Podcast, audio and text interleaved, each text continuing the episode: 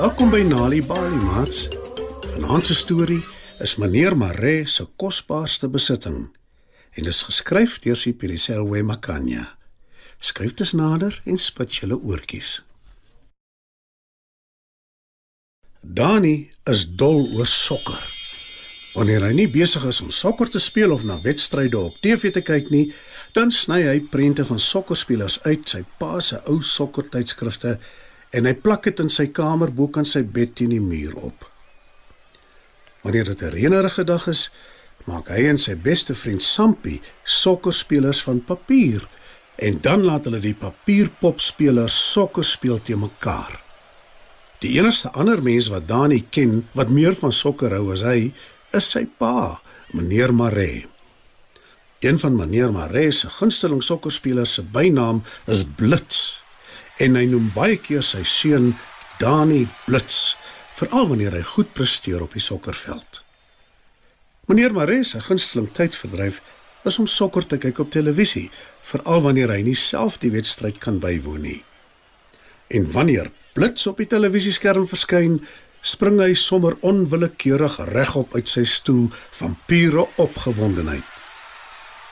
En wanneer sy gunsteling sokkerster die bal na die doellok toe begin aanstuur, skree hy uit volle bors: "Daar sy blits! Wys hoe hulle dit gedoen word! Slaan hulle soos 'n vuurligstraal!" En dan kyk hy met afwagting of blits hom gehoor het deur die glasskerm van die televisiestel. As blits die bal miskop, ken sy teleurstelling geen perke nie. Hy laat sak sy kop in sy hande en kla so erg dat dit amper lyk asof hy wil begin huil. Maar wanneer Blits 'n doel aanteken, is dit heeltemal 'n ander storie. Hy spring weer op uit sy stoel. Hy spring op en af van pure opwinding en doen ook 'n dans om die punt te vier wat aangeteken is. En dan sak hy uitgeput, maar baie gelukkig terug in sy stoel. En hy kyk na die glasvertoonkas in die hoek van die televisiekamer waar sy kosbaarste besitting uitgestal is. 'n sokkerbal wat deur blits geteken is. My sokkerheld sê hy dan tevrede. Dani spog graag met die einste sokkerbal by sy maats Dan vertel hy hulle dat Blits in dieselfde dorp groot geword het as sy pa en dat hy so goed leer sokker speel het omdat hy volhard het en nooit tou opgegooi het nie. Sy pa noem dit self gereeld aan Dani. Kan jy glo ek het Blits nooit geken nie. Al het ons naby mekaar groot geword en vandag is hy 'n superster. Dit wys jou net hoe vreemd die lewe is. Sampie is net so 'n groot sokkerliefhebber soos die Maree gesin. En toe, op 'n dag, speel hy en Dani sokker in Sampie se agterplaas. Hulle speel graag daar want dit is baie groot en daar is selfs 'n klein rivier wat aan die ander kant van die heining vloei. Wie is 'n beter sokkerspeler, Blitz of Anton? Vra Dani. Anton is nog 'n bekende sokkerspeler in hulle gunstelingsspan. My pa sê Anton is beter as Blitz, want hy skop ewig goed met sy linker en sy regtervoet. Antwoord Sampie. Dit mag wees, maar Blits kan baie verder skop as hy en hy mis selde sy doel. Antwoord Dani. Ek het 'n plan. Sê Sampie opgewonde. Kom ons speel jy is Blitz en ek is Anton, dan hou ons 'n skopkompetisie. Goeie plan. Antwoord Dani. Die enigste probleem is, hulle het nie 'n sokkerbal nie.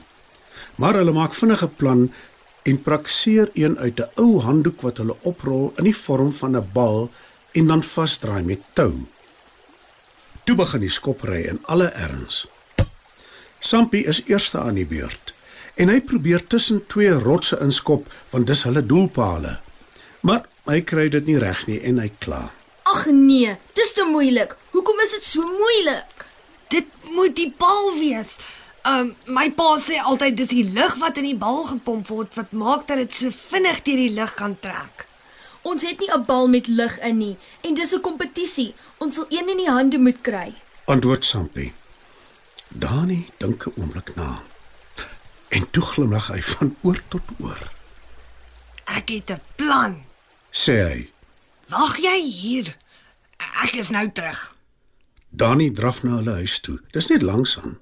En sommer gou is hy terug met sy pa se gunsteling besitting, die sokkerbal wat deur blits geteken is. Sampie se oë rek groot. Hy is nie seker of dit 'n goeie idee is nie.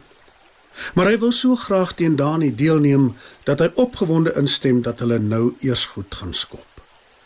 Dit raak nou opwindend. Dani is blits, Sampie is Anton en die skopkompetisie begin. Dani is eerste aan die beurt. Hy dribbel die bal en dan maak hy reg om te skop. Hy skop so hard as wat hy kan en daar gaan die bal. Dit vlieg oor die heining van Sampie se huis reguit in die rigting van die rivier langs aan. Ag nee. Net nie dit nie. Kreun Dani. Hy is nou so bang hy kan skaars beweeg. Sampie spring oor die heining om te kyk of hy die bal kan opspoor, maar hy is net te laat. Hy sien hoe dit op die grond land en rol en rol tot in die rivier. Sampie spring terug oor die heining. Dani staan nog net so versteen van skok. Sampie vertel hom dat sy pa se kosbaarste besitting, die sokkerbal wat deur blits geteken is, in die rivier beland het. Saam klim die twee oor die heining en hulle sien die bal al verder stroom afdryf in die rivier. Hulle besluit om die bal te volg. Hulle stap langs die rivier om te kyk of dit dalk ergens uitspoel. Later die middag, toe die twee seuns se ouers na hulle begin soek, is hulle nêrens te vind nie. Al die bure help om saam te soek na Dani en Sampie. Dit word al later en die son begin al sak. Meneer Maree het in die tyd die polisie se hulp ingeroep. Hulle bring hulle hond saam om ook te soek. Sy naam is Jasper. Jasper ruik aan die seun se klere en toelaat waai hy. Hy draf vinnig al langs die rivier langs, gevolg deur die kinders se ouers, die bure en die polisie. Uiteindelik kom hulle by 'n brug uit. Die rivier vloei onder deur die brug. En daar sit 'n druipstert Dani en Sampie styf te mekaar. Hulle is soknat en bewe van die koue.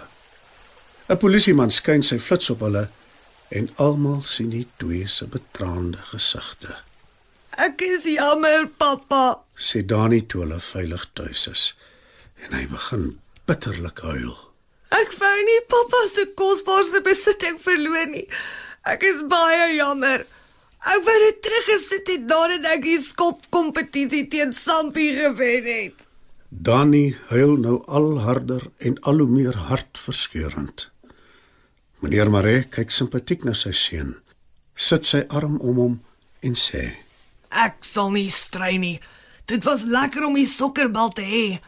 Maar toe ek gedink het jy is weg, jy het spoorloos verdwyn. Ek was nog nooit in my lewe so bang nie, want as ek jou, my seun, moet verloor, ek weet nie wat ek sal doen nie. Die sokkerbal is net 'n aardse besitting. Jy is die heel kosbaarste in my lewe. Beloof my, jy sal nooit weer so onverantwoordelik wees en wegdwaal van die huis af nie. Dani beloof plegtig. En sy pa hou hom styf vas. Mats, dit was nog 'n aanbieding van Nali Bali storietyd. Vanaand se storie was meneer Maree se kosbaarste besitting, geskryf deur Sipili Selwe Makanya.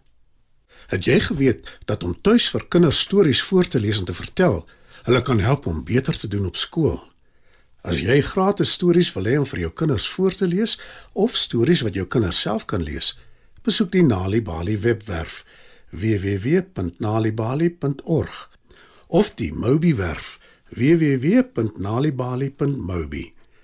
Daar sal jy stories kry in 11 amptelike tale, asook wenke hoe om stories vir kinders voor te lees en met hulle te deel sodat hulle hulle volle potensiaal kan bereik. Hou ook koerante dop vir die tweetalige Nalibali lees vir genot bylaag waarin daar wonderlike kinderstories en aktiwiteite is. Nali Bali. Dit begin met 'n storie.